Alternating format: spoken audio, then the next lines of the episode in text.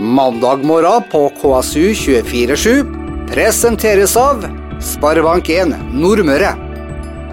Ny uke, nye muligheter og ny næringslivspodkast fra KSU247. Mandag morgen og uke 24 er nå satt sammen til en podkast hvor du først får en runde med litt nyheter. Vi skal høre om Psykogruppen som kjøpte seg på Røsand industriområde. Pizza fra Sunndalen og poteten fra Sunndalen. Og så hvor mye Jan Erik Larsen har gjennom sitt selskap har solgt PR-tjenester for. Ukas uh, høydepunkt er i dag intervjuet med Odd Einar Folland, som er helt eksklusivt for deg som hører på denne podkasten. Det er et uh, langt intervju, men uh, jeg syns vi kunne spandere på oss litt tid når da banksjef i pensjon, Odd Einar Folland, har vært da banksjef i Sparebank1 Nordvest frem til fusjon, og nå har han tatt steget over i da Sparebankstiftelsen Nordvest, hvor han er daglig leder. Men han på ingen måte er pensjonert, og vi tar en prat med han, Odd Einar Folland nå. Hvor vi også får en litt eh, tilbakeblikk på næringslivet på Nordmøre. Og visste du at Odd Einar faktisk eh, kan programmere COBOL? Eller hadde elektronisk databehandling som sin utdanningsvei da han gikk på skole i Molde. Så det kommer til slutt. Da får du høre uh, Havørnspissens uh, bravader på banen. I hvert fall litt av. Og mye om næringsliv. Og ikke minst hvor viktig det er for deg å bygge nettverk for å kunne være en god leder. Men det er litt etter hvert. Nå først noen kjappe nyheter fra Nordmøres næringsliv siste uke. KSU 24 Flere og flere innser at Røsand på Averøy ikke er særlig lenger unna Kristiansund sentrum enn hva Løkkemyra er. Det er litt av årsaken til at Siko-gruppen nå har sikra seg Røsand industriområde, fordi Espen Bugge Larsen i Siko-gruppen omtales som noen titalls millioner kroner. Det melder Tidens Krav.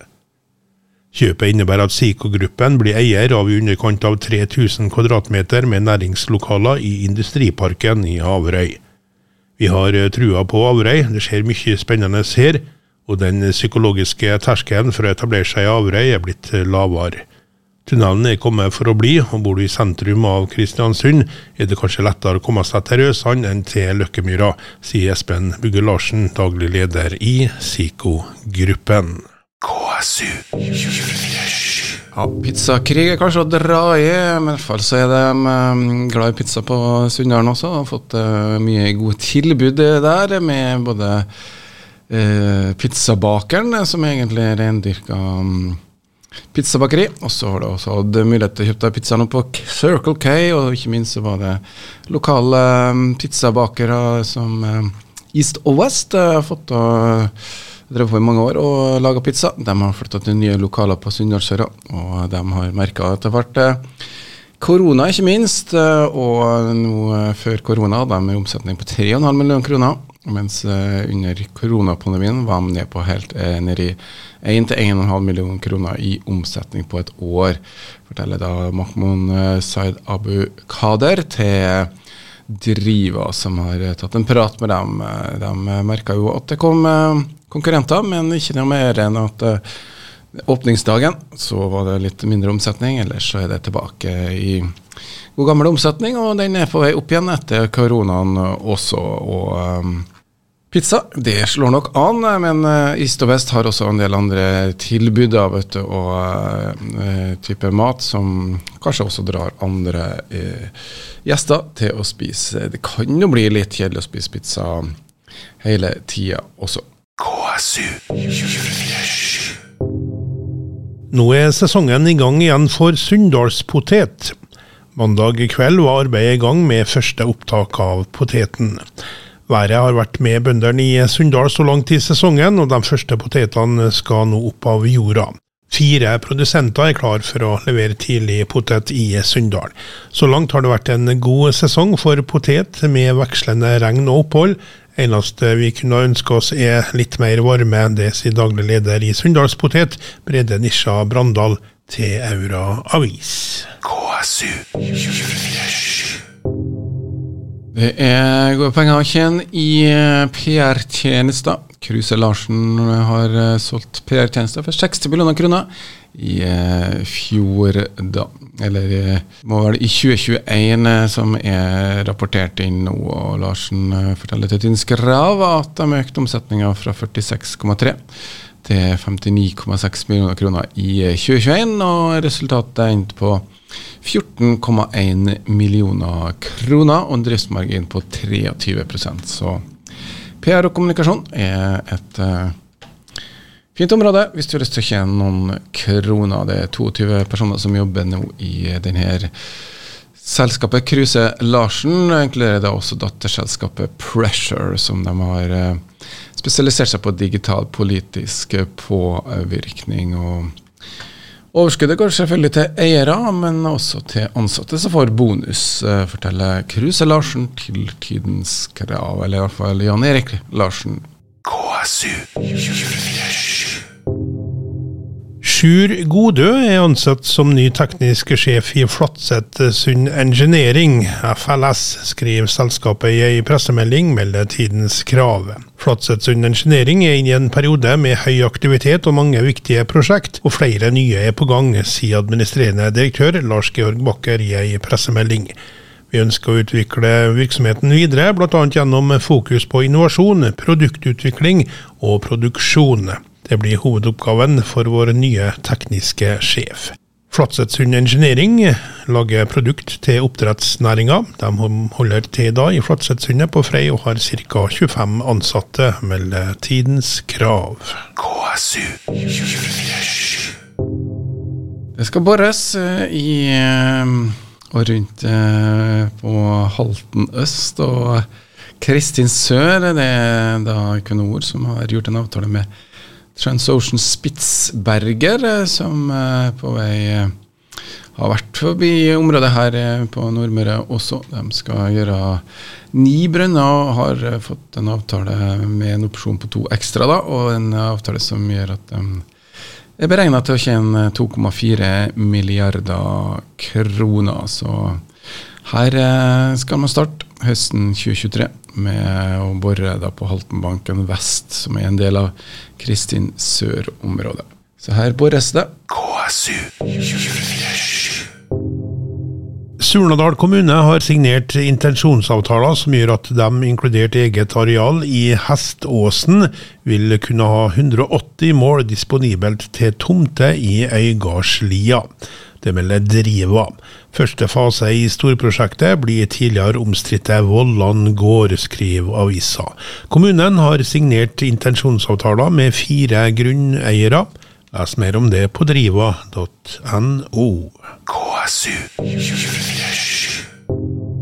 Ukas eh, gjest på eh, næringslivspodkasten her på eh, KSU247 er Odd Einar Folland, som akkurat i disse dager har trådd over i pensjonistenes rekker. Blir jo ikke akkurat riktig å si, men uh, uansett, Odd Einar eh, Folland, uh, god dag og hei til deg igjen. Vi har jo prata litt tidligere om Sparebankstiftelsen, og det er et eget intervju. Men nå skal vi snakke litt om karrieren din, rett og slett. Og egentlig mest om næringslivet på Nordmøre. For du har jo vært banksjef i Sparebank1 Nordvest da, fra 2004 og frem til nå. Og før det så jobba du i Maritech, eh, som eh, Du begynte i 1980 1979. faktisk. 1979 begynte jeg i Maritech, ja. nyutdanna fra Høgskolen i Molde. Ja, Det heter faktisk Distriktshøgskolen, en annen Charlotte, så det var en skole, skulle jeg si, eller en høyskole så Kristiansund ikke valgte å, å være med på. Nå er vi jo 40 år på, 50 år på overtid med, med campus i Kristiansund. Det blir jo fantastisk for regionen. Endelig er vi der. Så du, altså det blir jo en eh, litt sånn eh, interessant altså Du kom ut av eh, Molde, Høgskolen Molde, og nå etter siste skulle du si eh, eh, jobb som banksjef, så er det altså campus. eh, For der har du eh, og banken også vært med og trykka litt på? Ja da, vi har jo sett uh, betydninga. Det, altså, det meste av verdiskaping, nyskaping, innovasjon i et samfunn, det er masse empiri på det, forskning på det, det skjer i en sånn type symbiose, samarbeid mellom akademia, altså høyskole og universitet, forskning og næringsliv. altså Det trekantsamarbeidet. Og du kan jo tenke deg, det er nå jeg gikk jo inn i Møreforskning for andre gang nå for tre år siden. Nå har vi fått Møreforskning hit. Vi, har, vi får campus. Vi har jo høyskolesenter, så vi har jo høyskoletilbud her, men vi, har, vi, får campus hit som et, noe helt annet.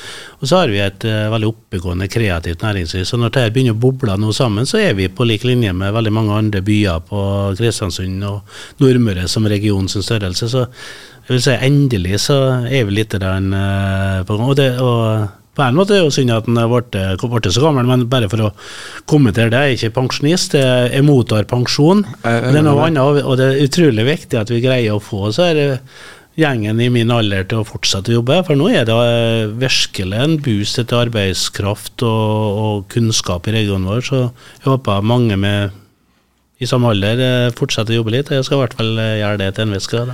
Ja da, jeg regna ikke med at du ble arbeidsledig. Jeg tok et kjapt søk. 26 eh, roller, ulike roller. Noen ting henger vel igjen fra bankens tid, og noen er vel kanskje på utgående. Men det, du er engasjert i en del bedrifter og sitter i en del styrer og har litt ansvar rundt omkring. Mm. Hvordan, hvordan står det til med næringslivet på Nordmøre?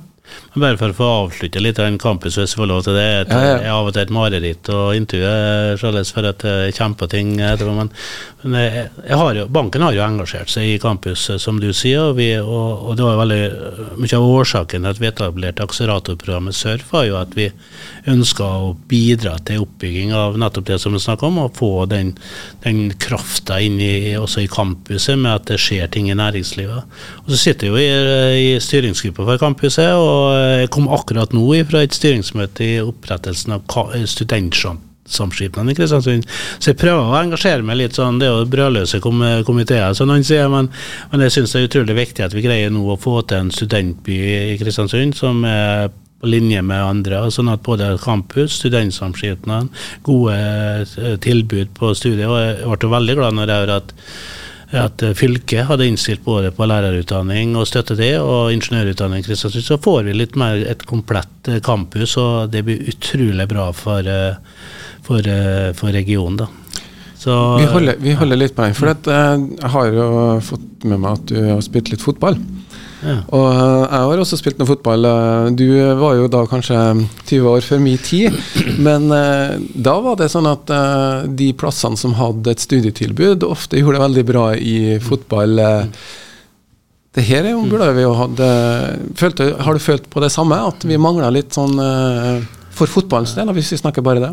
Det er litt forskjellige meninger faktisk om det der. da, for Jeg har spurt, jeg har jo veldig tett kontakt med Molde-miljøet, og jeg har jo sittet i styret i, i høgskolen i fire år, og ikke minst Møreforskning, og har gode relasjoner til næringslivet. Selvfølgelig også med at vi har, et, har banketablering i, i, i Molde. Men det, men det, er nok litt sånn overdrevet den betydninga et eh, campus, en høyskole, har for fotballutviklinga. For det første så har jo ja, Nå er jo profesjonelle fotballspillere. Så det ja, det er jo, men det, det, er jo også mange andre nasjonaliteter. Veldig mange av dem som spiller fotball, de spiller jo på 100% og det å få dem til å, til å studere samtidig, det, det, har nok en viss effekt. For at mange av dem har en, gjerne en samboer eh, som kommer til byen, og at eh, samboeren kan studere. Det tror jeg kanskje er mer effekten der enn at det er fotballspilleren som, eh, som studerer. Men det er klart det at du har et campus er jo attraktivt i seg sjøl.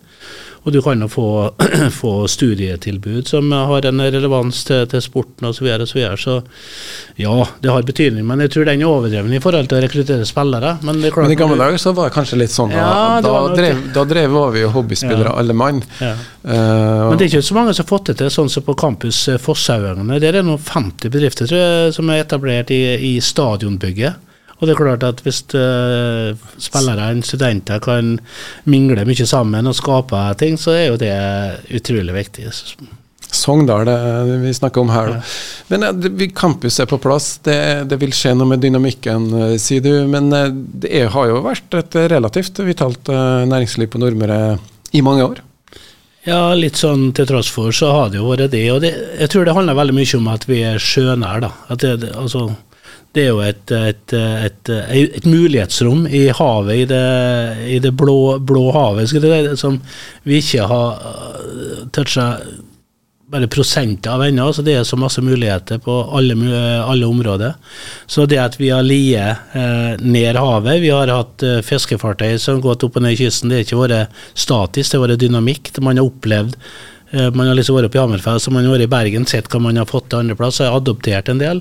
Så, så, på en måte så har vi nok uh, tatt igjen litt av det uh, Nikolai Heinrich Knutson tenkte. Det er en person jeg kunne godt tenkt meg å møte, men dessverre så døde han jo for 140 år siden. Så, men det var jo den til dags dato den største innovatøren antagelig som har levd i regionen vår.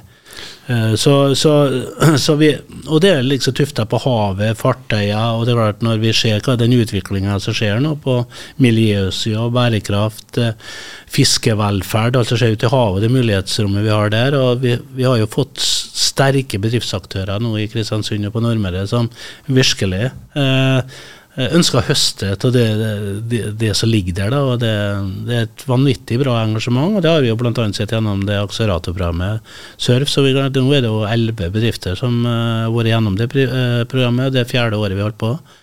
Uh, så det, det, er utrolig bra. Så, nei, så det, det, er så mye bra folk som jobber i næringslivet i, i alle ledd på Nordmøre. og det at vi nå får da Møreforskning som en forskningsaktør, vi får, uh, vi får uh, campuset som har relevante studietilbud. altså Logistikk, hvilken næring som ikke har behov for logistikkløsninger? Alle. Og det, har, det, studiet har vi jo, både på petroleum og mer generell basis.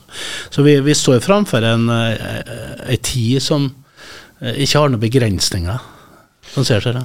Nei, Det er jo godt å ta med seg. Det var jo litt eh, mer avdempa optimisme, om det var noe optimisme i hele tatt. Eh, tidlig 90-tall eh, vi fikk en fastlandsforbindelse med, men ellers så var det ganske Jeg kan jo si at det var litt hardere kår på 90-tallet, når du eh, drev Maritec, eh, som oss kom fra laksenæringa. Og det sto det ikke voldsomt bra til på slutten av 80-tallet. Nei, Jeg har vært heldig og fått være med alle eh, gjennom seg, både oppturene og nedturene. Det er jo aldri noe som går etter rett linje. Du har hele tida noe som skjer, og får deg en rekkehjul av og til. og Jeg kom jo som sagt inn i, i 79 og fikk jo 25 år i, i Maritec eh, på mange vis. Men så så du at på en måte at du, hvis du ble i den samme jobben, eller i hvert fall ikke eh, ja, fikk litt vidvinkel på ting, da, så så, så, så ville jeg jo forvitre. og jeg, Det var derfor jeg tidlig på 90-tallet eh, gikk ut og ble litt aktiv mer på, på, i andre konstellasjoner, og ikke minst inne i bankstyret i 1996. Jeg satt jo i styret i i, i ett år i 96, og så ble jeg styreleder i 97, og fram til da ble konstituert som administrerende på slutten av 2004. Så, og gjennom banktida både som styrer i styrerommet, og ikke minst som administrerende, så du, får du oppleve det er jo på en måte pulsen på, på alle regioner. Og, og, du er i kontakt med alle typer bransjer. Og, men, men, det er klart at uh, det, det, har vært et helt annet marked. altså Den digitale var jo for det heldige gikk på et Jeg visste ikke hunden med hva jeg skulle begynne med når jeg var i militæret. Jeg tok meg et militærår for å finne ut, og så gikk jeg på et EDB-kurs. Så det, å, ja. Der er det jo, Da var jeg jo kommet inn på denne Berg A eller Berg B, og etter den linja som uh, utdanner boresjefer i Trondheim. Men jeg tenkte fire år i Trondheim, nei, da tar jeg heller to år på data i, og økonomi i Molde. Det, det, var på en måte litt sånn Det er mange tilfeldigheter som uh, eh, preger livet mitt. da, og Egentlig at jeg har truffet Og jeg har truffet godt òg, men så, så Men nå er det jo på en måte Det er jo veldig mye drevet, hele samfunnet. altså Nervesystemet vårt er jo det som er valgt av, av fag. For Den gangen du begynte med dette, her, ja. vi snakker slutt av 70-tallet, det var ja, stormaskiner og, og hullkort. Og, hullkort, og virkelig elektronisk mm. databehandling, ja. som det også het. Det heter EDB, sant? Det var, det var det, så, men det var en fantastisk tid, og måten vi jobba på på studier, og det vi ja, hva vi gjorde da, da, da Jeg begynte jo som programmerer i, i Maritec, eller heter Avre Dataservice, da, i 1979. Og så ble jeg systemsjef i 1981, og så, uh, og så ble jeg salgssjef i, 19, nei, i 1984. Og så, og så Og så gikk jo selskapet, så begynte vi jo med, med landbasert oppdrettsanlegg. Reidar Honningsei var jo 40 år færre sin tid med å begynne å tenke landbasert oppdrettsanlegg, det som nå er på er liksom hypen på børs. Og, da, og, det gikk jo, dessverre. Det var for tidlig. Det var kanskje 20 år for tidlig, og så gikk jo selskapet konkurs. da. Altså Maritec begynte med landbasert ja, oppdrett? På Henneset, som nå er Hellibøtt, og det er kveiteoppdrett. Ja. Men, eh, men, vi hadde jo da skifta i 84, så skifta vi jo navn til Maritec. da. Eh, sånn at det var Maritec som da gikk på en smell i, i sommeren 87, og så starta er opp igjen eh, den eh, IT-delen, datadelen eh, med software som vi hadde da, sammen med noen gode kollegaer. og Vi var ti ansatte, så dro det i gang igjen. Og så ble jo jeg da Fikk med oss nye eiere fra Sunnmøre bl.a. De ansatte ble medeiere. og Jeg ble jo da, da, da leder i, i den nye Maritek, som vi da bygde opp i, til vi fusjonerte med noen islendinger på, i 2002-2003. Og så plutselig var jo selskapet 180 ansatte i ni land. og Uh, men det starta liksom med landbasert oppdrett, og så var det dataavdelinga, kan du si?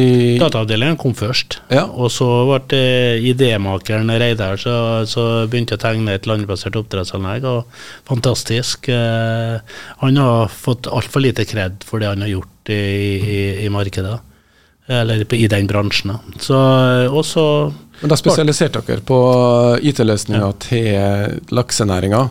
Ja, både laks og, og, og, og tradisjonell fiskeindustri med sluttsalgssystem, med lottsystem for fiskere, med fakturasystem osv. Så, så hadde vi jo i bunnen så hadde vi jo regnskap og, lønnssystem i tillegg. Da. Så jeg var jo første tida jeg jobba på tidlig 80-tallet, så var jeg jo rundt i hele Nord-Norge og opplæring på regnskapssystem og lønnssystem osv. Så, videre. så da var vi så det var, så det var ei artig tid. Så det er greit å ha litt flere bein å stå på enn selve bare laksenæring, for det var det er dårlig tid der.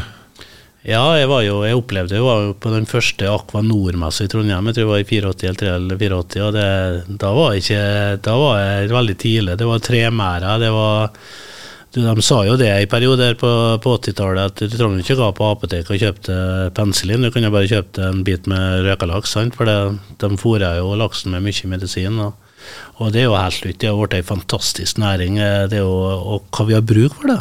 Tenk deg den eh, dagen vi står uten fisk og, og laks, og uh, verden trenger mat. Det tok seg heldigvis opp da med både laksenæringen, men sånn Maritec-selskap, uh, vokste dere på en måte med bransjen, da, eller spredde dere utover? Ja, jeg ser jo det at vi, vi, vi varte ganske fort. Rundt 90 så har vi 40 ansatte, og så vokste vi opp igjen til vi ble 120 i Norge med kontor fra Bergen i sør til Tromsø i nord. Eh, det var ei kjempeartig tid, og vi var jo ja, rundt 60 ansatte på Averøya i veldig stor bedrift. Og, og, jeg var jo veldig heldig som fikk være med og, og designe og lede den bedriften i så mange år. Da. Eh, og, og den ble jo heldigvis fikk jo nye havner når vi eh, gikk ut.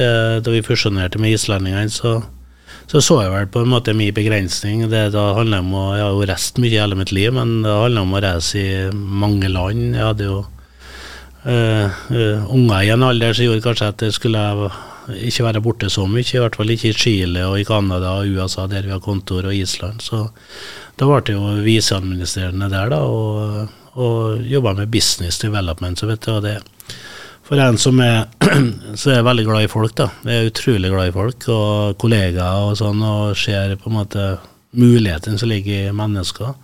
Og det å sitte med prosjekt, da, og skrive prosjekt og se på nye arter, og sånn som jeg gjorde for, hva vi gjorde i Asia sant, for at vi kunne bruke løsninger, det, det passa Odd Folland litt dårlig. Ja. Så da, da hadde, var jeg jo i styret i banken, og så ja, hvordan, var, hvordan havna du egentlig inn i styret i banken? Er det bare rekrutteringsprosess, eller hadde dere stort lån?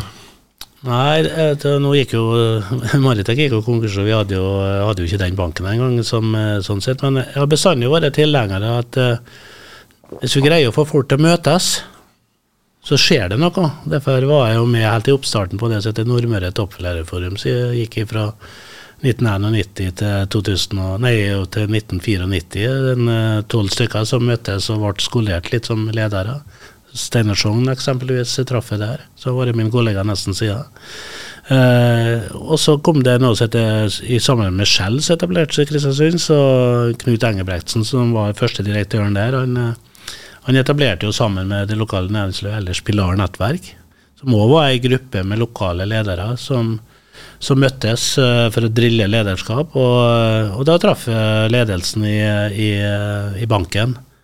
Eh, og ble jo da spurt av dem om jeg kunne tenke meg å, å, være med i styret i, i banken. Det, handler om når du setter sammen et styre, og ha ulike folk, eh, ha ulike bransjetilknytning inn i et styrerom. og da, da, kom jeg jo inn i, som sagt, inn som styremedlem i 1996. Ja. Og det er utrolig viktig å få luft, luft i luka, som mange sier, å få annen type inspirasjon og erfaring. Da. For et styre i en bank vil jo bestå av store eiere. Har de eh, representanter, eller er det ansatte representanter? Hvem er representert i et styre i Sparebank? Ja, nå er jo helt andre krav til, til banksammensetning. Altså, nå har du risikoutvalg, og, eller bankstyresammensetning, da, og du har eh, risk og compliance, revisjonsutvalg og alle mulige ting. Da. Tidligere så satt du og bla i papir, du hadde ikke den digitale eh, muligheten heller. Så, så, da var jeg nok uh, veldig mye Da var jeg fordelt at du skulle være fra den og den kommunen og sånne ting, så det var helt annet rigging. I dag går det veldig mye på kompetanse og fordeling av kompetanse. og Styret i dag er jo mindre enn det var i 96, eh, sånn sett. Så, men en helt annen driftsmåte. og Det er utrolig viktig for banken å ha topp kompetanse i, i, i styret. og det, det, mener jeg lokalbanken, Sparebanken Nordmøre, har hatt eh, når vi var Nordvest, og har i dag. Da, en del av de samme folka i tillegg. da. Kan jeg spørre om det var noe du har jo sittet i styret i, lang tid før du gikk inn som i ledelsen i banken, så du har jo følt på hvordan det var å være bank eh, på styret og rommet, og også da som bank. Har det vært noen utfordringer um, for banknæringa? Det var jo det på tidlig 90-tallet. Ja. Det var jo noe, var jo ikke jeg kom inn da, men det var jo klart det var jo bankkrise. Så begynte jeg ferdig i 1988 og gikk frem på tidlig 1990-tall. Eh, så det er klart det var jo krevende. Men vår bank greide seg utrolig godt. Eh, altså Nordmøre Sparebank, eh, som den har blitt da på det tidspunktet, greide seg utrolig godt i forhold til mange andre banker. Og det var jo den tida banken òg fikk, fikk ordre om å overta Halsa Sparebank, sånn at den også ble en, ble en del av av Nordmøre Sparebank. da. Så, men så skjedde jo masse ting på slutten av 90-tallet når jeg kom inn som styreleder. og det var, Da var det på en måte krav til, til å inngå mye mer eh, forpliktende samarbeid. Vi var jo i noen sånne løse allianser på innkjøp og sånne ting, men da kom det ganske brutalt på at her måtte man knytte seg enda tettere til andre banker i forhold til samarbeid, skape synergier, eh, få stordriftsfordeler av det vi holdt på med osv. Vi hadde jo en veldig tung og uh, omfattende prosess på slutten av 90-tallet med valg av allianse, og landa da i min tid som styreleder på Sparebank 1-alliansen ut ifra at vi hadde for så vidt tre valg. Og ble jo en del av Sparebank 1-alliansen fra 2000 og utover. da.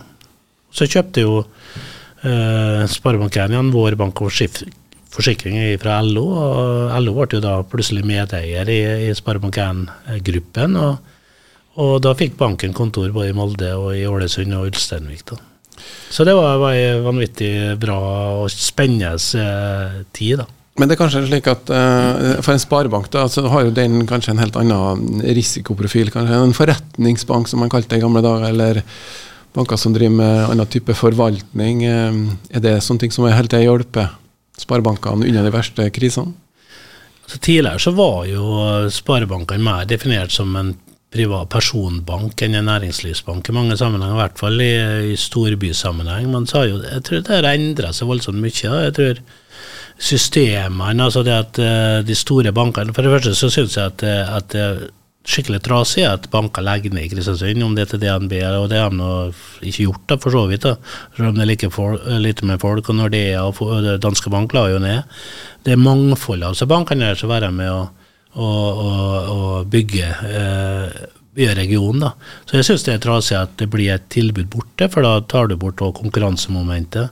Så, men, men, men, det har jo vært sånn med at, at de store bankene har fjerna næringslivsfolka sine, rådgiverne sine på næringsliv, gjerne bort fra regionen. og Da får de ikke den forpliktelsen, den kunnskapen om hva som skjer i næringslivet. slik at Det er jo sparebankene som har seila opp som også den gode verktøykassa for det lokale næringsliv på, på, altså på bedriftsmarkedet. Mens konkurranseforholdet er nok eh, mer på, sånn på personmarkedet. For da du er jo din egen eh, banksjef, eh, i hvert fall nettbanksjef. Sånn at veldig mye av den håndteringa som tidligere var manuell i forhold til kundene, den er jo du sjøl som gjør i dag. sånn at det, det, ja, kontakten med kunden er nok veldig mye sterkere på næringsliv. og det at du da har, vi har jo, Jeg sier jo fortsatt vi, da. Jeg har fått lov til å si vi om Sparebanken Nordmøre fortsatt. og eh, Vi har jo 15, i hvert fall 15 eh, rådgivere innenfor næringsliv eh, bare her på Nordmøre. Og det er jo helt fantastisk eh, for næringslivet. Men uh, i og med at du sitter som leder av stiftelsen som eier så mye av banken, har dere representanter i styret av den årsak? Nei, det, det, er faktisk det er litt ulikt eh, fra stiftelse til stiftelse, fra bank til bank. da. Eh, det er vel i hvert fall to banker jeg vet om i, i Norge, eller to, ja, to stiftelser og banker som har det i vedtektene sine at stiftelsen som største eier skal ha representasjon i bank. Eh, i bankstyret. Det er SR-Bank i Stavanger og Sparebanken Østlandet på, på Hedmarken har det faktisk. Men det er jo veldig store stiftelser med fire-fem ansatte. og, og sånn. Vi har jo undertegnet er jo ansatt i 50 stilling. Og, og, det er heller ikke snakk om at det kanskje da er lederen som da er det, men vi, vi, har, jo, vi har jo den makta vi har gjennom en representant i generalforsamlingen. Ikke noe mer enn det, men vi hvis vi vil inn i styret, så må vi kvalifisere noen for å være der, da. Det er, det er jo så enkelt som det. Eh, så, men eh, liksom i dag så har ikke vi noe Det er jo en valgkomité som rigger styret i banken, og de plukker ut de kandidatene som jeg mener er best for banken, og det er så viktig. Det er det så viktig verktøy for ledelsen i banken. Da. Ja, det er um, bankprat. Eh, og det er Einar Folland eh, her i studio eh, med meg på næringslivspodkasten her. Og, vi snakka litt om 90-tallet, og, og Einar er jo kjent for å være nettverksbygger. Og nå har han forklart at han faktisk aktivt jobber med de her og det å være nettverksbygger er kanskje litt viktig når man er i et lokalt eller i et næringsliv generelt? Kompetanse, det, det skifter jo hele I hvert fall kompetansebehov, da. Når du blir leder, da, så er, det er det dessverre eh, noe som forsvinner, og det, det er spisskompetansen din. Du blir en generalist. Og Det er ofte litt eh, Når du kommer i dype diskusjoner om ting, så, så, har du ikke på en måte Da må du spille på kollegaen din som har mm. den spisskompetansen. Så, så det som, eh, som, med ledelse, så forsvinner litt den spisskompetansen. Du blir som sagt eh, generalisten da, på, på, på godt og vondt. Du blir veldig god på ledelse, antagelig, de fleste. Eh, og da er det viktig å, å, å, å, sørge for at du har doktorgrad i, i relasjonskompetanse. Og Det er en, en, et kompetansefelt som aldri går av moten. Aldri går av moten. Det at, at, at du, du, bygger gode kontakter, eh, har gode venner, du har, eh, du har relasjoner både faglig og sosialt, og at du, du i sum uh, spiller på det i utøvelsen av uh, rollen din. Rett og slett ha nettverk, få tak i folkene ja, som kan gjøre jobben. Ja. Og, og Spille hverandre god, sant? Uansett hva bakgrunn du har. Det, så jeg har sagt det bestandig at uh, bygge relasjoner, uh, snakke med nye folk når du er på konferanser, ikke sitte i lag med kollegaene dine som gjør hele tida. Knytte nye bånd. Du lærer noe hele veien. du blir aldri utlært. så det, det, er i hvert fall mitt mantra på på å kompensere for, eh, for tapet av eh, spisskompetanse. Det er noen som sier at det står jo i Bibelen eh, 'ikke led meg inn i fristelse', men så er det mange som sier at 'ikke frist meg inn i ledelse'. Det er, motsatt, det er litt annet uttrykk for det. Men, men jeg, jeg, har trivdes med det. Ja. Men de, de, de slutta å programmere i Maritek etter hvert? Ja, jeg gjorde det, gitt. Men det var litt artig. Du nevnte jo det med, med fotballivet mitt. Jeg var ja. aktiv fotballspiller. Og, ja, jeg ble litt usikker på det. Havørn ja, eller Averøy-kameratene? Ja, og så gikk jeg over til Havørn, og det var det jeg tenkte å fortelle nå. For det, som jeg sa, så har det vært litt tilfeldigheter med det. Og, jeg ble far i desember i, i 78, og det var samtidig med at jeg tok siste eksamen Jeg husker Veronica som er datteren min, hun skrek hele natta kvelden før Kobol-eksamen på programmering. Og jeg trodde ikke at det gikk bra, i hvert fall. Jeg var jo vak, men det gikk jo greit, det òg. Men jeg hadde jo ikke noe jobb. Jeg hadde plutselig fått, jeg hadde fått familie og utdannelse, men jeg hadde ikke noe jobb. og og tilfeldigheten var jo å ha seg slik at jeg traff en Reidar Ronningsei på, eh, på Magnar Storviks efterfølgere, som var, var kolonialbutikken på Langeneset. Og Jeg traff en over, og så spurte han, jeg visste hvem han var. Så bare, du har ikke jobba til en nyutdanna datamann? sier jeg. Jo, jo, jo, jo, sa han. Bare kom på uh, andre nyttårsdag, det. Så får du jobb, hører jeg at du jeg vet jo hvem du er, men det er en betingelse, sa han. Det er at du må slutte på Avrekameraten, du må begynne å spille for Havøren. Så egentlig var han kanskje den første fotballproffen på, på Averøya, men da fortsatt på Averøya. Så det var, det var, litt artig. Ja. Men så sier jeg at ok, nå har jeg forplikta meg til å spille på Averøykameraten i, i, i, fram til 1980 eller noe sånt, så jeg må få lov til å fylle Ja, det var greit, men da måtte du begynne på Havørn, da. Så det var, det var, jo litt eh, Det var artig, ja. Så, så jeg fikk jo eh, jeg dunka jo innom mål, da. Jeg gjorde det, så jeg fikk jo TKs toppskårerpokal. Ja, jeg så, jeg så, så det. Så det var offensive deler av ja, laget? Ja, og jeg prøvde, det er liksom eh, bestandig prøve å holde eh, foten lengst fram i skoene hele tida, både i jobbmessig og ellers. da, så. Men er det offensivt eh, anlagt? Det er derfor at du har et eh, selskap som heter Offensiva? Ja, det er jo klart. Nå er jo eh, O-en og F-en er jo initialene mine da, først. Da, og, og så, så, liker jeg jo ikke det å, ta, å gå i forsvar, da, så jeg prøver å unngå det at, å si fans. da. For, så, så det og i hvert fall ikke no fans. Jeg sender jo, ikke ennå godt gjengen inn på, inn på Batnfjorden, men, eh, men offensive, som det heter, offensiv, eh, det er, et, det er nok tenkt litt profil nådd, ja. Mm, men uh, sprang du ikke tilbake i Forsvaret når uh, kampene gikk, da?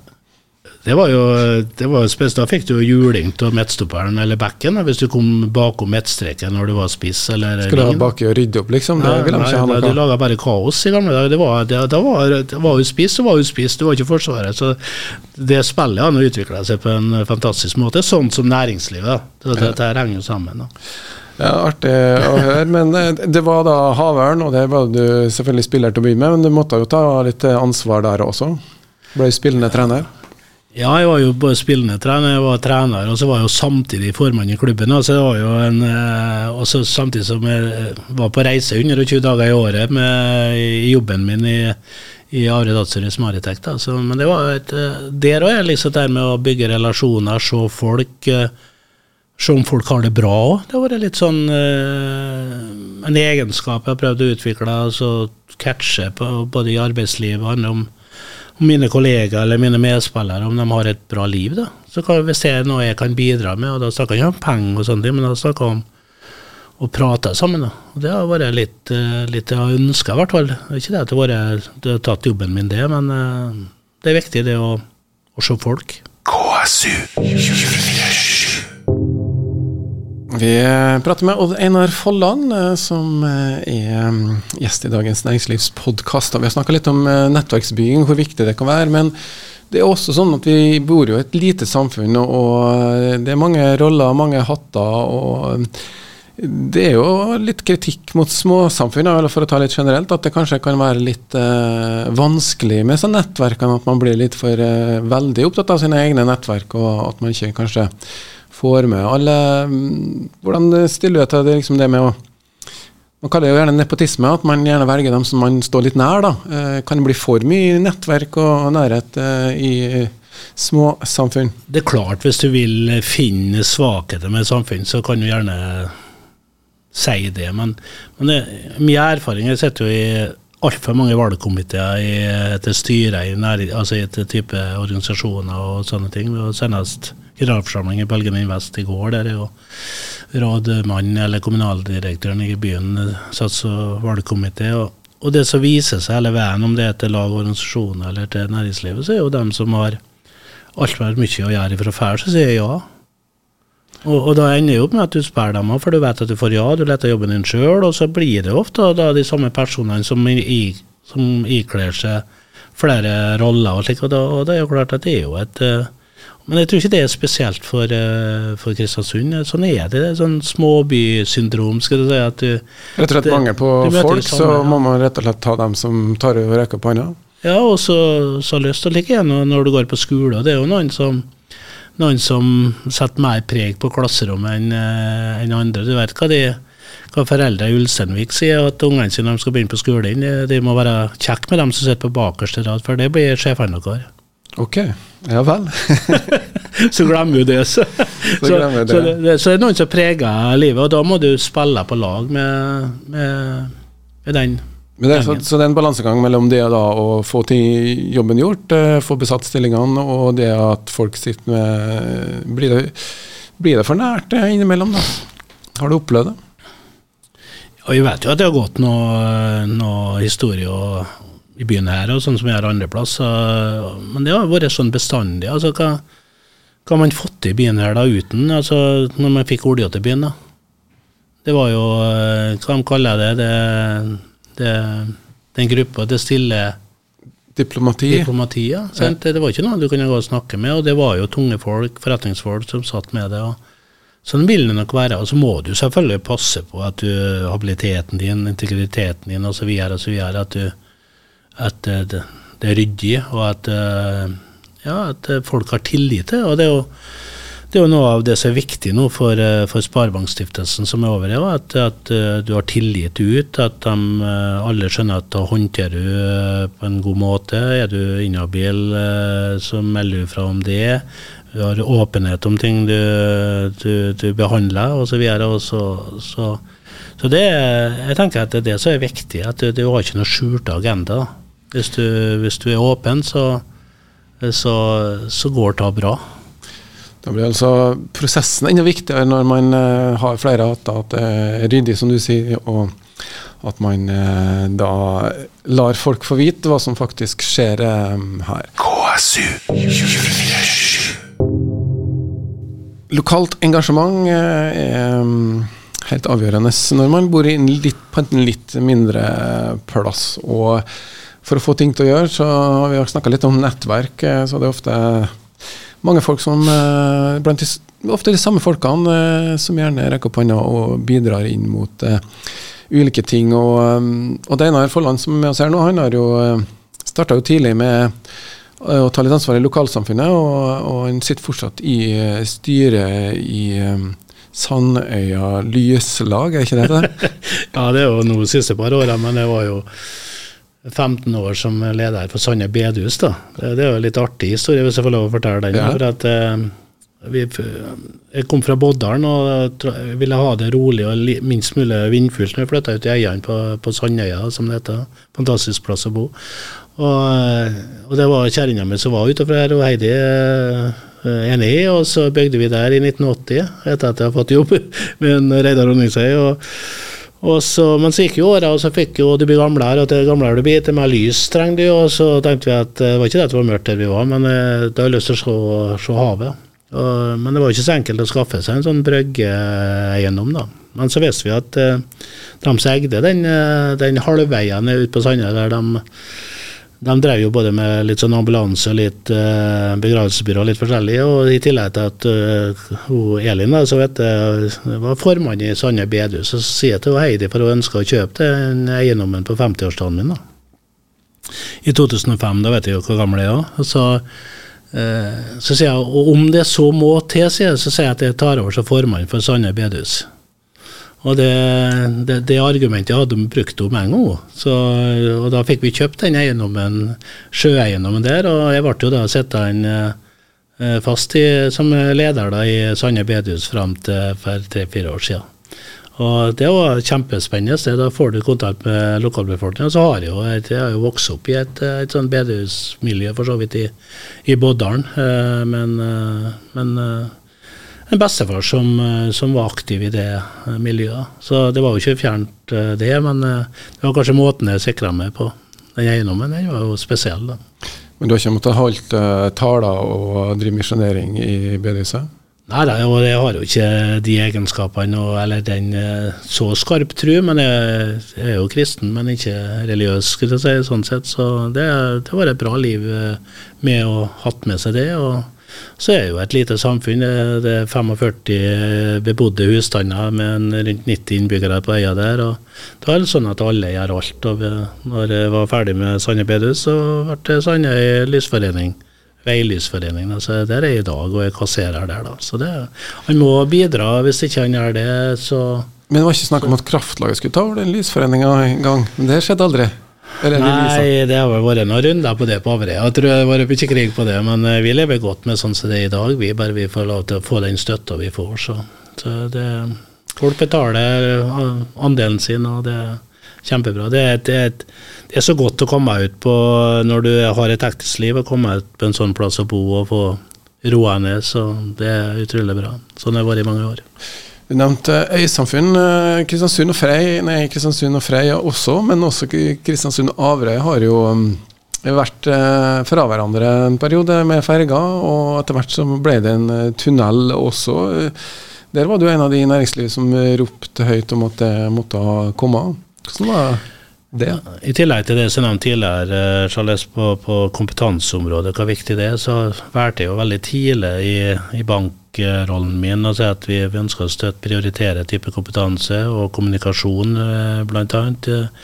Eh, så kommunikasjon, både det med, som har skjedd med Kvernberget vekst, rullebaneutvidelse, den biten, ikke minst i både Krifast og Atlanterhavsveien og Avrøytunnelen, det har jo betydd så mye for den utviklinga her. Eh, altså den, den tida du står i fergekø, den er jo så Ja, den er lite rasjonell, da. Eh, sånn sett. Og når jeg, jeg pendler jo til byen eh, fra 2004 da, til 2009 med ferge. Vi hadde jo Vi valgte å kjøpe oss et rekkehus i byen, altså når vi bodde i byen i midt i uka de åra der jeg og Heidi hun jobba på sykehuset, så det var, det var greit. Men, eh, men det at når tunnel kom, så var vi snar med oss selv, for vi ønska jo å ha et hus og heller pendle en halvtime, sånn som vi har i dag. Og det, en, det gir så masse muligheter, eh, faktisk begge veiene. Men det, du ropte allerede tidlig 90-tallet om at det ble en Averøy-tunnel. eh, Det er viktig for næringslivet på Averøy, så flagga de ut, eh, sto det å lese. Hva var bakgrunnen for den?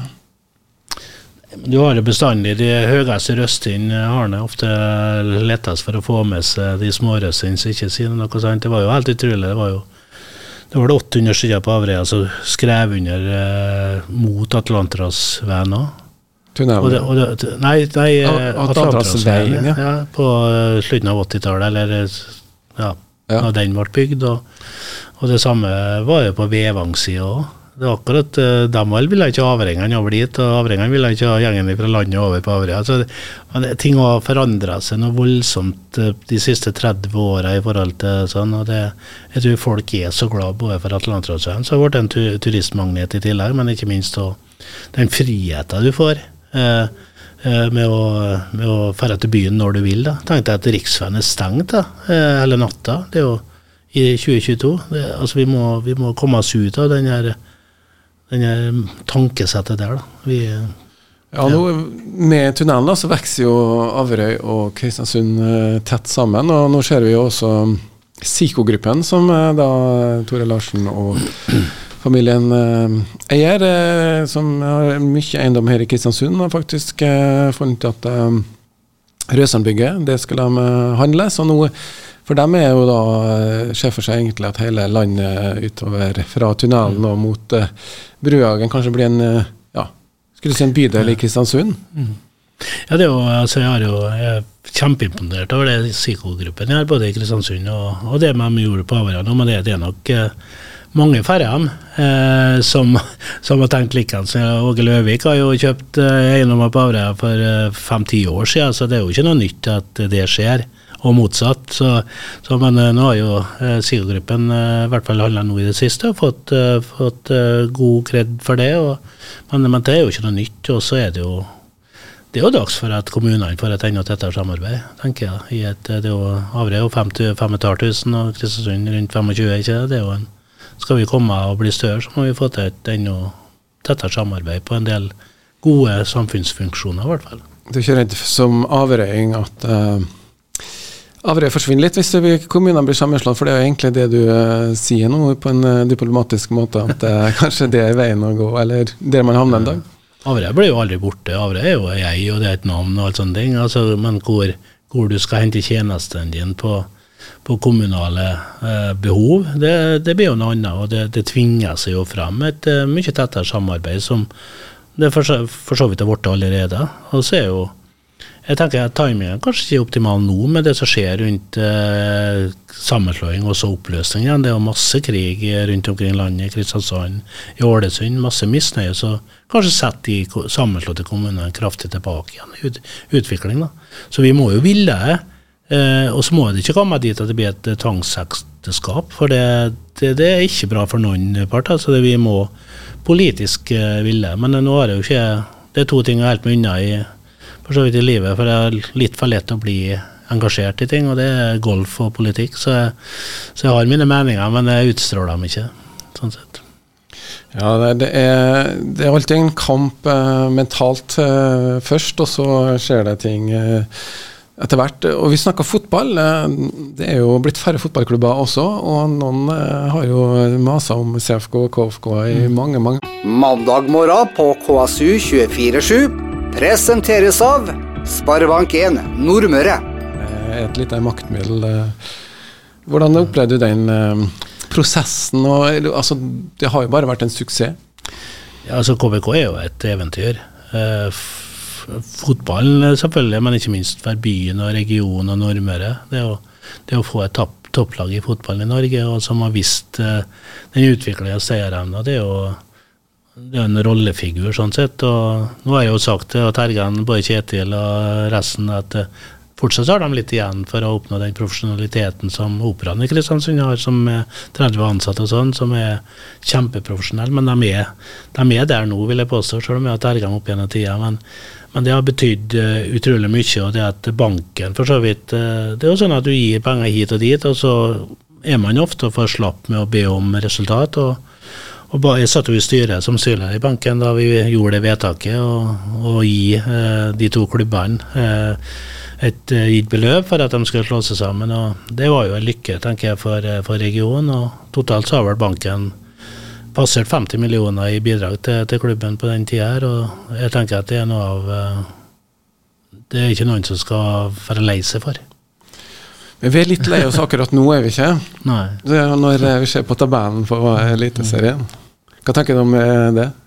Vi har blitt litt sånn uh, bortskjemt da, og kanskje fått uh, gode resultater for at vi har vært en sånn uh, underdog. da, Sånn at de, noen klubber kanskje har tatt litt lett på oss òg, så har vi blitt ble oppdaga litt mer. Eh, og så har vi vært litt uheldige med kanskje litt spillerlogistikk, skader og litt sånne ting, som har gjort at vi ifra å ha hatt stang inn, da, så har jeg vært stang ut i, i år. Og, men det er jo fortsatt eh, optimist og tror at vi skal greie å berge plassen. Det må nå være Vi skal ikke legge lista høyere i år enn at vi greier å sikre fortsatt eksistens i, i, i Eliteserien. Men jeg har trua på en Christian og trua på spillere. Nå begynner jo forhåpentligvis Oppmarken på plass. og Colly og, og Max uh, Williamsen. og Kanskje snart uh, han, den store høvdingen, han, Dan Peter Ulvestad. Uh, nei, jeg tror på vi, er, vi har mye igjen til sesongen. Vi får la det være siste budskapet her i denne podkasten. Status næringslivet. Når, når, har du tenkt å pensjonere deg? Kanskje om ti år, da?